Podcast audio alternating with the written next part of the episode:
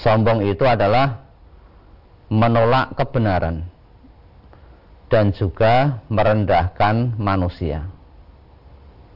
Kenapa menolak kebenaran? Karena dirinya merasa sudah yang paling baik, paling sempurna, paling hebat, sehingga orang yang selain dia dianggap sesuatu yang kecil, sesuatu yang remeh.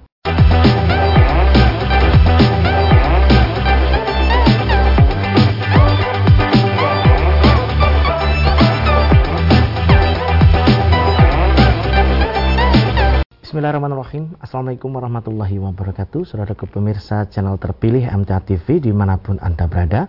Puji syukur Alhamdulillah senantiasa kita panjatkan kehadirat ilahi Rabbi Allah subhanahu wa ta'ala Atas genap karunia nikmat dan juga rahmatnya untuk kita semua Di perjumpaan awal aktivitas pagi hari ini. Kita jumpa kembali di program unggulan Fajar Hidayah Dan Alhamdulillah sudah hadir Ustadz Muhammad Ghazali SPDI yang nanti akan melanjutkan pelajaran sekaligus memberikan pencerahan untuk kita semua di kesempatan kali ini. Assalamualaikum warahmatullahi wabarakatuh Ustaz. Waalaikumsalam warahmatullahi wabarakatuh. Kabar baik dan sehat pagi Ustaz? Alhamdulillah. Alhamdulillah. Dan kembali tetap kami ingatkan pemirsa untuk senantiasa kita laksanakan bersama protokol kesehatan, pakai masker, jaga jarak dan cuci tangan menggunakan sabun. Dan Anda nanti bisa bergabung bersama kami di line telepon yang sudah kami siapkan di 0271 6793000 SMS dan juga di WA kami di 08 11 255 3000. Kita simak pelajaran kita kali ini. Bismillahirrahmanirrahim. Assalamualaikum warahmatullahi wabarakatuh. Alhamdulillah Alhamdulillahi Rabbil Alamin Alladzi anzalal Qur'an hudal linnasi wa bayyinati minal huda wal furqan. Wa huwa alladhi anzala sakinata fi qulubil mu'minin. Asyhadu an la ilaha illallah wahdahu la syarikalah wa asyhadu anna muhammadan abduhu wa rasuluh. Allahumma salli wa sallim wa barik ala Muhammad wa ala alihi wa sahbihi ajma'in Qala Allah Ta'ala fil Qur'anil Karim A'udzu billahi minasyaitonir rajim. Ya ayyuhalladzina amanu taqullaha wal tanzur nafsum ma qaddamat lighad wattaqullaha innallaha khabirum bima ta'malun. Wa qala Rasulullah sallallahu alaihi wasallam ittaqillaha haitsu ma kunta wa atbi'is sayyi'atal hasanata tamhuha wa khaliqin nasa bi khuluqin hasanin Rabbi surah li sadri wa yassir li amri wa hlul 'uqdatam min lisani yafqahu qawli Puji dan syukur senantiasa kita panjatkan kehadirat Allah Subhanahu wa taala. Allah masih memberikan kenikmatan yang banyak kepada kita semuanya sampai pada kesempatan pagi hari ini. Buktinya kita masih diberikan kesempatan, diberikan waktu untuk menambah amal-amal kebaikan, untuk mengerjakan amal soleh yang ini merupakan bekal yang hakiki dalam rangka untuk menghadapi kehidupan yang sangat panjang. Kehidupan yang tidak ada batasnya yaitu kehidupan akhirat. Dan ini kita harus selalu berhati-hati di dalam melakukan aktivitas hidup di dunia ini. Selanjutnya salawat serta salam Semoga senantiasa tercurahkan kepada Nabi Muhammad sallallahu alaihi wasallam yang telah mengeluarkan manusia dari zaman gelap gulita kepada cahaya yang terang benderang dengan izin Allah. Para pemirsa MTA TV dan juga para pendengar radio Persada FM dan juga radio-radio yang lain dalam jaringan. Kita akan meneruskan bab yang kemarin. Penyebab kerasnya hati. Sudah kita sampaikan empat. Yang pertama lalai dari mengingat Allah. Lalai dari mentadaburi Al-Quran. Yang kedua banyak melakukan kemaksiatan-kemaksiatan. Banyak melakukan dosa-dosa baik dosa yang kecil maupun dosa yang besar. Kemudian yang ketiga banyak tertawa. Yang keempat banyak bertanya. Sekarang kita bahas yang kelima yaitu sombong ya. definisi sombong secara mudah merasa lebih terhadap orang lain. Jadi seolah-olah dirinya merasa memiliki hal yang lebih dibandingkan dengan orang lain. Bisa berupa kekuasaan atau kekuatan, keindahan tubuh, kepandian, harta, dan lain-lain. Kalau dirinya merasa lebih dibandingkan dengan yang lain, ini orang tersebut bisa terjangkiti penyakit sombong. Orang yang terkena penyakit sombong ini, sebagaimana yang disabdakan oleh Nabi kita Nabi Muhammad Sallallahu Alaihi Wasallam, al kibaru batarul haqqi wa ghamtun. Sombong itu adalah menolak kebenaran dan juga merendahkan manusia. Kenapa menolak kebenaran? Karena dirinya merasa sudah yang paling baik, paling sempurna, paling hebat, sehingga orang yang selain dia dianggap sesuatu yang kecil sesuatu yang remeh. Hal ini bisa kita jumpai di beberapa ayat Al-Quran. Yang pertama di surat Al-Qasas ayat 38 dan juga ayat 39. A'udzu billahi minasyaitonir rajim. Wa qala fir'aunu ya ayyuhal mala'u ma amiltu lakum min ilahin ghairi wa auqidni wa auqidli ya hamanu ala tini faj'al li sarhal la'alli attali'u ila ilahi Musa wa inni la'azunnuhu minal kadhibin wastakbara huwa wa junutuhu fil ardi bighairil haqqi wa dhannu annahum ilaina la yurja'un. Wa qala fir'aun zaman dulu di zaman Nabi Musa ini ada seorang raja seorang penguasa yang namanya Fir'aun. Dia berkata ya ayyuhal mala'u Wahai para pembesar kaumku. Ma alim tulakum min ilahin ghairi. Aku tidak mengetahui Tuhan bagimu Selain daripada aku. Karena sebagai raja Memiliki kekuasaan Memiliki kekuatan Memiliki harta Menyebabkan Fir'aun itu mengaku dirinya sebagai Tuhan. Ana Rabbukumul A'la. Sayalah Tuhan yang maha tinggi. Kemudian Firaun memerintahkan kepada Haman. Apa perintahnya? Wa auqidli ya Hamanu alatini faj'al li sarhal la'alli at-tari'u ila ilahi Musa. Wahai Haman bakarlah untukku tanah liat. Kemudian buatlah untukku bangunan yang tinggi. Jadi Haman ini seorang arsitek, orang yang ahli di bidang bangunan. Diperintahkan oleh Firaun untuk membuat bangunan yang tinggi. Tujuannya apa? Supaya aku dapat naik untuk melihat Tuhannya Musa itu bentuknya seperti apa. Ini karena kesombongannya.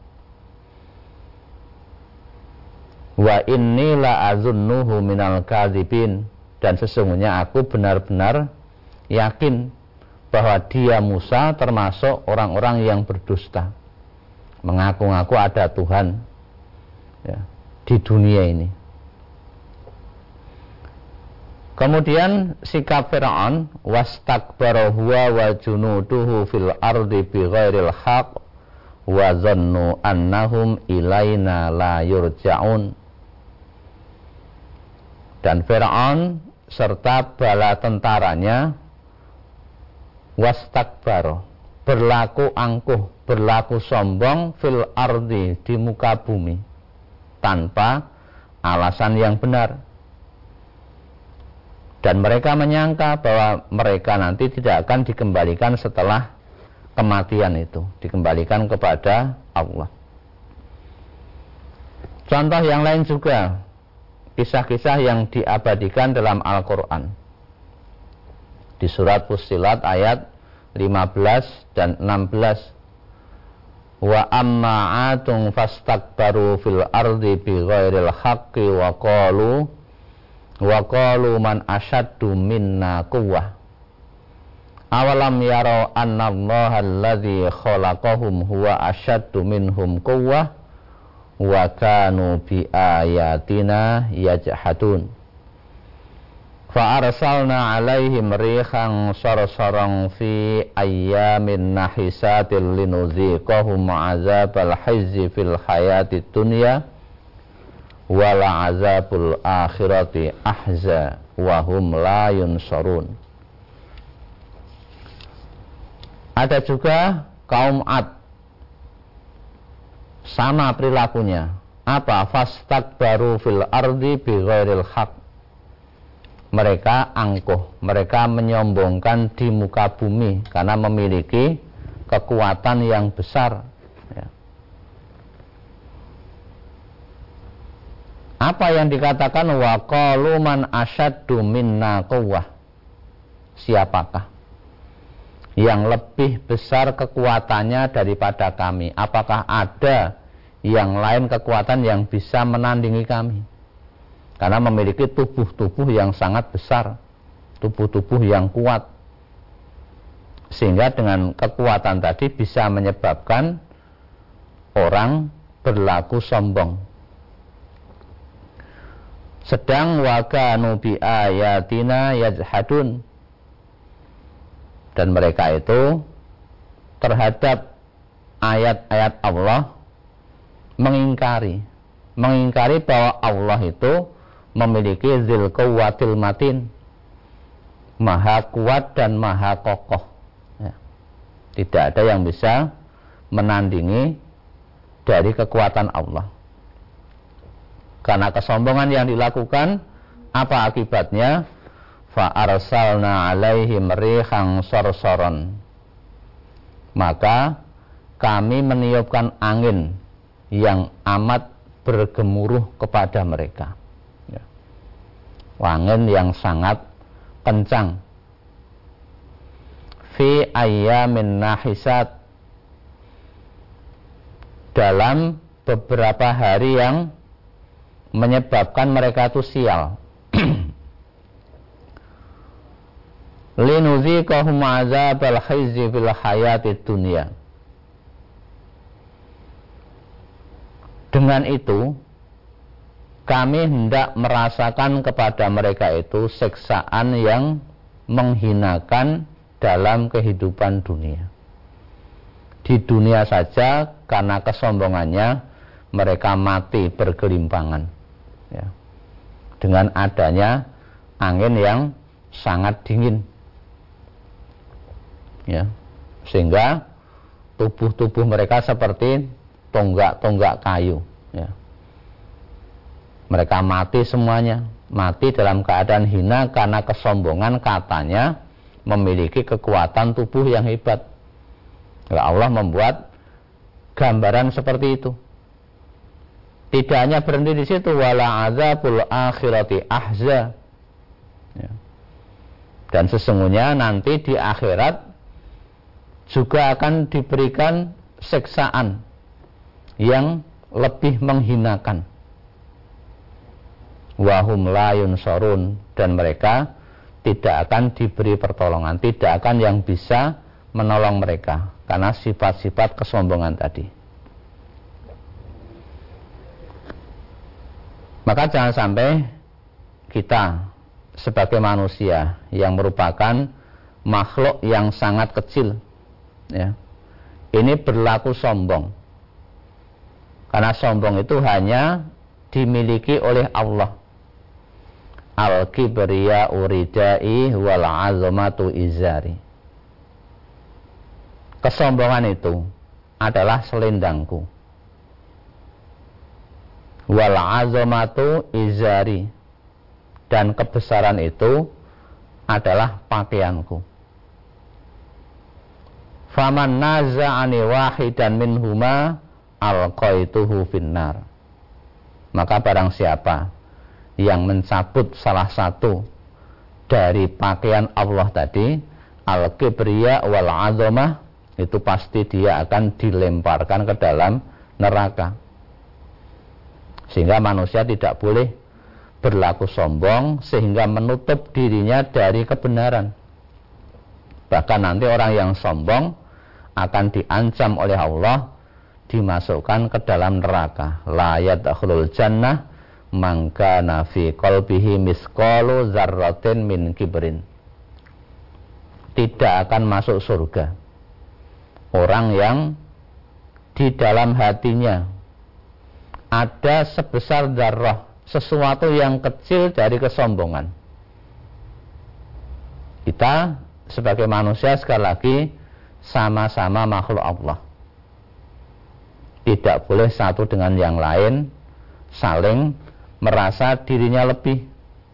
Sebab kalau merasa lebih, nanti pasti akan muncul sifat kesombongan. Termasuk setan ketika diperintahkan oleh Allah untuk tunduk kepada Adam. Setan berlaku sombong.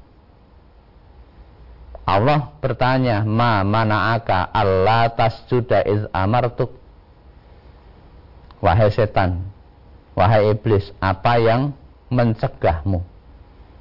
Apa yang menghalangimu untuk bersujud kepada Adam di waktu aku menyuruhmu? Apa jawaban iblis? Qala ana khairun minhu. Wahai Allah, saya lebih baik darinya. Kenapa? tani min nar wa tahu min tin. Engkau menciptakan aku dari api sementara Adam hanya diciptakan dari tanah. Nah, merasa bahwa api itu lebih mulia, lebih baik daripada tanah. Ya. Ini penyebab daripada kenapa? Membangkang terhadap Allah. Wa izkulna lil malaikatis judu li adama fasajadu illa iblis. Aba wastakbar wa kana minal kafirin.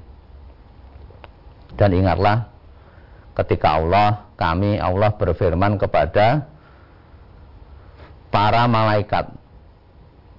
Apa perintah Allah usjudu li Adam bersujudlah kamu semuanya kepada Adam. Maka semuanya bersujud fasa jadu illa iblis. Semuanya bersujud para malaikat itu kecuali iblis dan dia termasuk aba wastakbaro. Iblis termasuk orang yang membangkang, tidak mau, enggan dan berlaku sombong. Waga naminal kafirin dan dia termasuk orang golongan orang-orang yang kafir yang hatinya tertutup. Tidak bisa menerima kebenaran tidak menerima petunjuk karena sudah ada sifat-sifat kesombongan yang ada dalam hatinya. Maka untuk itu para pemirsa MTA TV dan juga para pendengar radio Persada FM bagaimana kita berusaha untuk menghindari sifat sombong ini jangan sampai ada sekecil apa pun sifat sombong di dalam hati kita. Kita pikir habis. Jangan sampai Allah nanti berpaling kepada kita, ya. Karena kita ber, berlaku sombong. Termasuk berlaku sombong di antaranya apa? Wa iyyarokulla ayatin la yu'minu biha. Setiap melihat ayat-ayat Allah.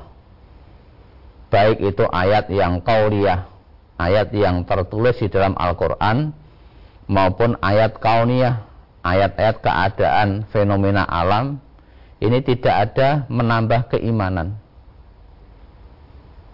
Yang akhirnya menyebabkan apa? Wa iya rosabila rusdi layat takhiduhu sabila.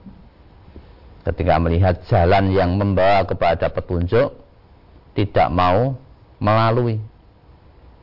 Sebaliknya apabila melihat jalan yang sesat malah ditempuh. Ini karena apa? Karena dia berlaku sombong, tidak mau beriman terhadap ayat-ayat Allah. Ya, saya itu. Ya. Baik pemirsa, kami harapkan Anda bisa bergabung bersama kami di line telepon 0271 6793000 SMS dan juga di WA kami di 08 11 255 3000. Namun sebelumnya kita akan simak beberapa informasi dalam rangkaian jeda pariwara berikut ini. Baik saudara pemirsa channel terpilih MTA TV di mana pun Anda berada, terima kasih Anda masih setia bersama kami khususnya di program unggulan Fajar Hidayah di kesempatan pagi ini. Kami persilahkan kesempatan pertama di line telepon 6793000 untuk bisa bergabung. Halo, Assalamualaikum. Halo, Assalamualaikum. Waalaikumsalam. Ya. Dengan siapa di mana Bapak? Dengan Pak Badar Bengkulu. Ya, silakan Pak Badar di Bengkulu. Assalamualaikum Pak Ustaz. Waalaikumsalam warahmatullahi wabarakatuh. Silahkan Pak Badar, apa yang disampaikan? Ini yang mau saya tanyakan masalah keluarga. Jadi saya ke kecelakaan kendaraan. Ya. Selama ini istri nggak mau nunggu terus dia pulang ke rumahnya saya ditinggalkan. Kurang lebih satu tahun kami ditinggalkan istri. Ya. Setelah itu kami jumpai apa pulang nggak mau dia malah dia minta apa minta dicerai. Saya nggak mau. Saya saya beri belanja juga nggak mau. Saya suruh pulang nggak mau. Minta cerai saya, saya nggak mau sama kapan kapan pun. Saya tidak mau cerai. Ini saya mohon mohon taujihannya dengan setahun saya nggak kumpul dengan istri itu apakah sudah jatuh talak atau ke mana karena it, karena kami sudah berupaya memberikan menafkah juga tidak mau. Nyatanya jadi saya selama ini memang bisa ranjang. Jadi mau tahu tahu cerita sama Pak Ustad. Sebab kisah ranjang ini kami sudah jatuh jatuh talak atau belum karena yang minta itu istri kami bertahan tidak mau kapan sampai kapan pun kami tidak mau mencari istrinya. Ya. Sekian dan terima kasih. Wassalamualaikum warahmatullahi wabarakatuh. Halo Pak Badar. Pak Badar. Halo Pak Badar. Ini nikahnya sudah berapa tahun Bapak? Apa sudah punya anak atau belum? Halo? Nikahnya sudah berapa tahun? Apakah sudah punya putra atau belum? Bisa ranjang setahun. Nikahnya sudah berapa tahun nikahnya? Pernikahan. Nikahnya ya lima, ya lima tahun. Ya. Putra sudah ada? Sudah dikarunia Sudah apa? belum. Oh, belum ya. Oke. Oke. Baik Pak Badar terima kasih. Belum ada anak ya, belum punya anak belum. Ya. Oke, oke, sudah. Cukup. Baik terima kasih Pak Badar. Ya, memang di dalam rumah tangga ini semuanya punya masalah. Punya problem yang harus diselesaikan. Kalau dalam Islam penyelesaiannya harus dengan cara yang baik. Ya.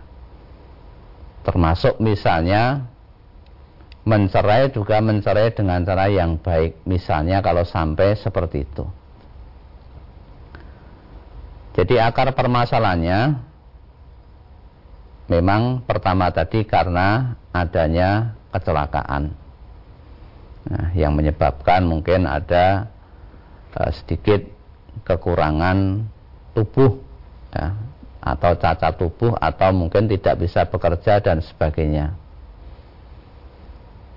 Tentunya cara yang terbaik adalah diselesaikan dengan cara musyawarah ya.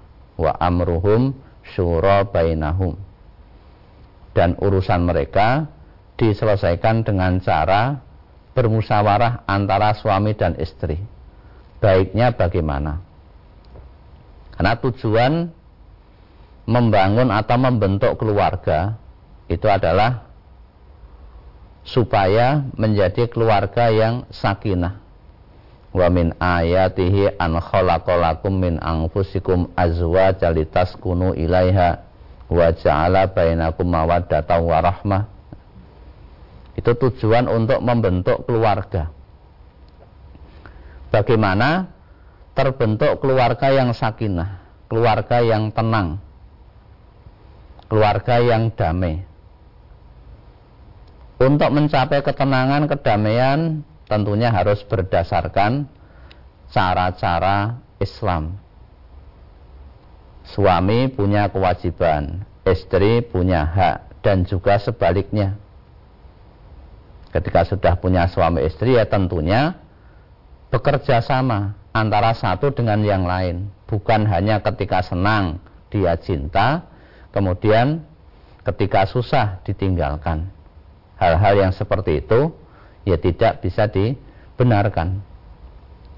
Maka tentunya ini eh, kami tidak bisa begitu saja eh, menjawab karena memang hal yang seperti ini dibutuhkan keseimbangan.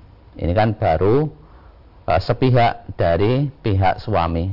Nanti masih ada dari pihak istri seperti apa. Kalau istri memang minta cerai tanpa alasan yang dibenarkan dalam agama, ini jelas diharamkan dalam agama, tidak diperbolehkan tanpa adanya sebab. Nah, sebab-sebab apa yang dibolehkan untuk cerai ketika kita belajar agama nanti akan diketahui sebabnya apa. Ya. Memang di dalam sigot taklik itu ketika apa namanya kita melangsungkan akad nikah habis nikah itu kemudian kita membaca janji ya, yang dibacakan di hadapan wali di hadapan saksi di hadapan orang-orang ya. Itu memang istri boleh mengajukan gugatan cerai namanya huluk kalau memang suami ini membiarkan menelantarkan istrinya tidak mengurusi ya. selama satu tahun atau tidak diberi nafkah selama enam bulan berturut-turut nah ini istri boleh mengajukan gugatan cerai. Tetapi permasalahan ini seperti apa kita tidak tahu. maka nanti bisa disampaikan secara pribadi sehingga bisa uh, digali masalahnya seperti apa. Yang jelas kalau istri tadi meminta cerai tanpa sebab ini tidak dibenarkan dalam agama ya. Ketika bapak tidak membolehkan atau tidak mau menceraikan ya sudah betul tapi alasnya seperti apa perlu digali secara lebih e, mendalam lagi karena kita belum tahu permasalahan yang sebetulnya itu e, seperti apa. Ya. Ya baik. Kita beralih di WA Ustaz. Pertanyaannya dari Ibu Siti di Karanganyar. Ustadz dulu sebelum suami meninggal pernah kredit sebuah mobil. Dan sebelum meninggal suami mempunyai permintaan yang intinya berpesan agar mobilnya jangan dijual. Nah, apakah pesan almarhum suami tersebut termasuk wasiat Ustadz? Dan apakah berdosa semisal mobil tersebut dijual atau diganti dengan yang baru? Ya, itu terkait urusan masalah dunia. Ya misalnya mobil tidak boleh dijual lah terus mau diapakan semakin lama kan umurnya semakin tua menjadi barang rongsokan. Itu urusan dunia urusan mubah jadi misalnya hal yang seperti itu tidak dilaksana pun juga tidak berdosa ya. kadang-kadang wasiat itu ya tentunya yang wajar-wajar saja. Kalau wasiat menjadi menyulitkan orang yang mengerjakan atau wasiat yang mungkin menyalahi agama itu tidak perlu dikerjakan. Misalnya kalau saya meninggal nanti tolong saya dimakamkan di atas gunung merbabu. Itu kan namanya kan menyulitkan diri. Ya. Menyulitkan orang yang ditinggali wasiat tadi. Kalau masalah mobil tadi insya Allah tidak termasuk dari orang-orang yang mungkin melanggar uh, wasiat itu masalah urusan-urusan dunia yang mobil itu setiap tahun keluar merek baru mau dijual mau ditukarkan ya tidak masalah. Ya, ya baik. Kemudian dari Ibu Titik di Batang, apakah semua yang sunnah itu kalau dikerjakan mendapat pahala dan kalau ditinggalkan tidak berdosa Ustaz? Bagaimana dengan doa kunut karena saya tidak membaca doa kunut saat sholat subuh? Mohon tausiahnya. Ya, sunnah itu merupakan kebiasaan kebiasaan yang dilakukan oleh Nabi kita Nabi Muhammad Sallallahu Alaihi Wasallam. Ya. Misalnya ketika apa namanya sholat ada sholat qobliyah, sholat ba'diyah kan namanya kan sholat sholat sunnah. Kemudian Nabi juga menikah, dan nikah itu juga merupakan sunnah Nabi. An nikahu sunnati. Nah, nikah itu termasuk sunnahku sunnah makan dengan tiga jari misalnya nah, tapi yang seperti itu itu urusan urusan dunia ya memang ketika apa namanya kita melaksanakan sunnah-sunnah Nabi tadi ya kita mendapatkan kebaikan mendapatkan pahala ya. ada sunnah yang sifatnya muakkadah sunnah yang sangat ditekankan ada sunnah yang ghairu mu'atadah ya. tidak begitu ditekankan tentang masalah sunnah nanti ini juga ada perbedaan. Misalnya nikah. Walaupun itu dikatakan an nikah sunnati tapi hadisnya ada kelanjutannya. Faman raghiba an sunnati falaisa minni. Siapa yang benci atau tidak suka terhadap sunnahku maka dia bukan dari golonganku. Kemudian didukung dengan ayat hadis yang memerintahkan untuk menikah. Nah, berarti kan sunnah yang seperti itu berbeda seperti sunnah yang misalnya tadi. Kita sholat-sholat sunnah tadi. Karena ada yang wajib ada yang sunnah. Kemudian terkait dengan kunut tadi memang Nabi dulu pernah mengerjakan sholat kemudian beliau berdoa kunut. Terkait dengan peristiwa Bi'ru Ma'unah ya. Ada orang-orang yang ahli Quran ini dibunuh oleh musuh-musuh Nabi. Dijebak. Kemudian Nabi ketika itu beliau sangat sedih ya. melihat sahabat-sahabatnya terbunuh. Akhirnya Nabi berdoa. Ya. Berdoa yang intinya adalah apa namanya supaya Allah itu ya mengazab atau menghancurkan orang-orang yang telah berbuat zalim kepada sahabat-sahabat beliau. Berdoa selama hampir satu bulan. Ini memang pernah dilakukan Nabi. Kemudian Allah menurunkan ayat 128 surat Ali Imran itu laisalaka minal amri syai'un aw yatuba alaihim aw yu'adzibu ay yu'adzibahum fa innahum zalimun. Tidak ada campur tanganmu dalam hal urusan ini. Ya. Apakah Allah akan menyelamatkan atau Allah akan membinasakan atau mungkin Allah akan menerima taubat? Karena sesungguhnya mereka itu sudah tergolong orang-orang yang dolim, membunuh tanpa alasan yang benar. Maka setelah turun ayat ini Nabi berhenti, tidak melakukan kunut lagi. Ya sudah, ulama terbagi menjadi dua. Ada yang tidak mau kunut dengan dalil karena turunnya ayat ini Kemudian ada yang tetap mengerjakan kunut namanya kunut nazilah. Ketika terjadi suatu peristiwa-peristiwa yang besar. Nah, itu mereka melakukan uh, kunut. Ya sudah, kalau terjadi seperti ini, ya kita saling menghargai, saling uh, menghormati antara satu dengan yang lain. Ya. Ya.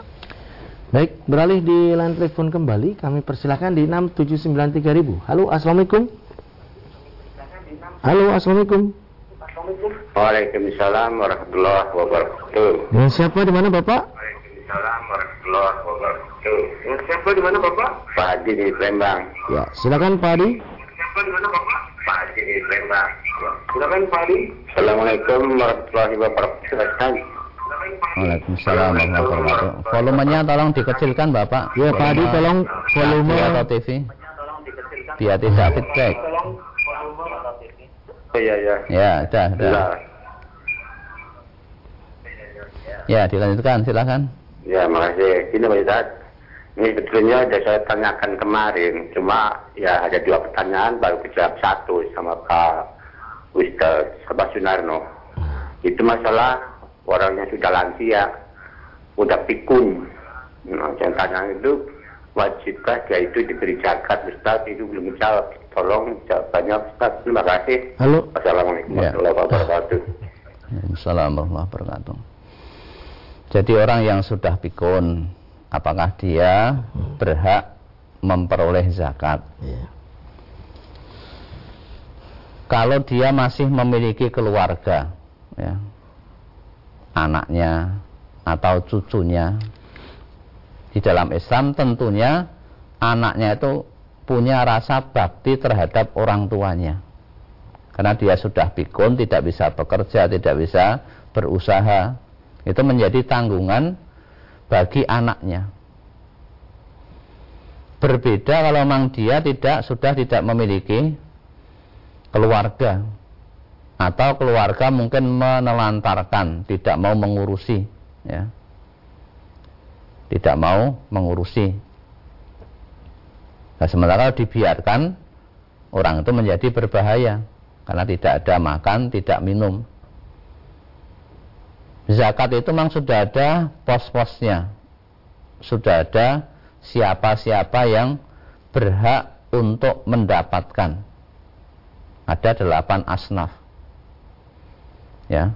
Orang yang pikun tidak termasuk ke dalamnya. Innama sadaqat lil fuqara wal masakin wal amilina 'alaiha wal mu'allafati qulubuhum wa fir riqab wal gharimina wa fi wa ibnis. Itu ada delapan golongan itu.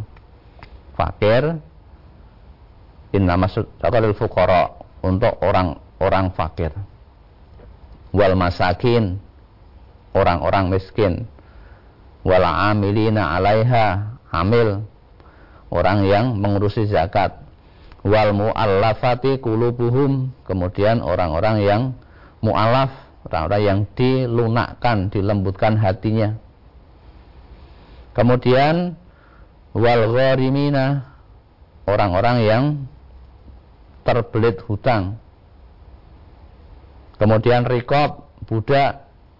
Kemudian wafi sabilillah di jalan Allah hal-hal yang diperuntukkan untuk kepentingan meninggikan kalimat Allah. Kemudian yang terakhirlah Ibnu Sabil. Jadi yang pikun tadi tidak termasuk. Dia bisa termasuk kalau mungkin tidak ada orang yang e, mengurusi, tidak ada orang yang merawat. Nah, bisa jadi dia mendapatkan bagian zakat karena fakir miskinnya tadi, bukan karena pikunnya. Tapi sebetulnya kalau dia masih punya keluarga, keluarga yang lebih berhak untuk menyantuni, untuk mengurusi. Kadang-kadang ada pertanyaan yang aneh. Bagaimana kalau saya zakat? Nah, orang zakat kan berarti punya penghasilan yang lebih. Ya. Ketika punya penghasilan yang lebih, Kemudian bagaimana kalau zakat saya saya berikan kepada orang tua? Ini kan sesuatu yang aneh. Anaknya kaya, orang tuanya miskin. Nah, bagaimana bisa terjadi? Harusnya orang tua menjadi tanggungan bagi anak-anaknya. Itu sebagai bentuk baktinya kepada orang tua. Ya, itu. Ya, baik. Masih ada kesempatan satu lagi Ustaz di ya. WA dari Pak Hasan di Demak menanyakan tentang sholawat Ustaz Salawat Allahumma sholli wa sallim ala Muhammad. Kenapa orang-orang membaca salawat ini setelah pagi dan petang? Apakah ada tuntunannya Ustaz? Mohon tausiahnya. Ya, tentunya ya sebagaimana biasa ditanyakan kepada orang yang melakukan itu. Kenapa kok melakukan seperti itu di waktu pagi dan petang? Allah berfirman di surat Al-Ahzab ayat 56 Innallaha wa malaikatahu yusalluna 'alan nabi ya ayyuhalladzina amanu sallu 'alaihi wa sallimu taslima Sesungguhnya Allah dan para malaikatnya itu bersolawat untuk Nabi. Apa arti solawat? Ya. Kalau itu dari Allah, maka berarti Allah memberikan rahmat, memberikan kasih sayang, kalau dari malaikat berarti malaikat bersolawat Nabi memintakan ampun kepada Nabi. Kalau dari orang mukmin ya berarti berdoa atau memberikan penghormatan kepada Nabi. Maka diperintahkan ya ayyuhalladzina amanu sallu alaihi wa sallimu taslima hai orang-orang yang beriman bersolawatlah kamu untuk Nabi dan ucapkanlah salam penghormatan kepadanya. Maka orang mengucapkan Allahumma sholli lah. Sholli ini memberikan apa? Bersolawat. Memberikan penghormatan mendoakan kepada Nabi. Wasallim. Allahumma sholli wasallim. Ala Nabi. Lah wasallim ini merupakan salam penghormatan atau mendoakan kepada Nabi. Maka bebas saja bagaimana kita berselawat kepada Nabi. Boleh Allahumma sholli ala Muhammad juga boleh. Ya. Assalamualaikum ayuhan Nabi ya juga boleh. Ya, ini tidak terikat harus ini harus itu diucapkan pagi ya boleh siang ya boleh malam ya boleh karena perintahnya umum ya ayyuhalladzina amanu sallu alaihi wasallimu taslima. Ya. Ya, baik. Baik Ustaz kami sampaikan terima kasih atas pelajarannya di kesempatan pagi ini kita nantikan pelajaran dan tausiah berikutnya insyaallah ya. Assalamualaikum warahmatullahi wabarakatuh Waalaikumsalam warahmatullahi wabarakatuh Baik, saudara pemirsa channel terpilih MTA TV di mana pun Anda berada, demikian tadi telah kita simak dan ikuti bersama program unggulan Fajar Hidayah di kesempatan pagi hari ini. Dan kembali kami ingatkan untuk senantiasa kita laksanakan bersama protokol kesehatan, yakni pakai masker, jaga jarak, dan cuci tangan menggunakan sabun. Saya Tommy Al-Fatoni pamit undur. Alhamdulillahirrahmanirrahim. Subhanakallahumma wa bihamdika. Asyadu an anta astaghfirullah wa Assalamualaikum warahmatullahi wabarakatuh.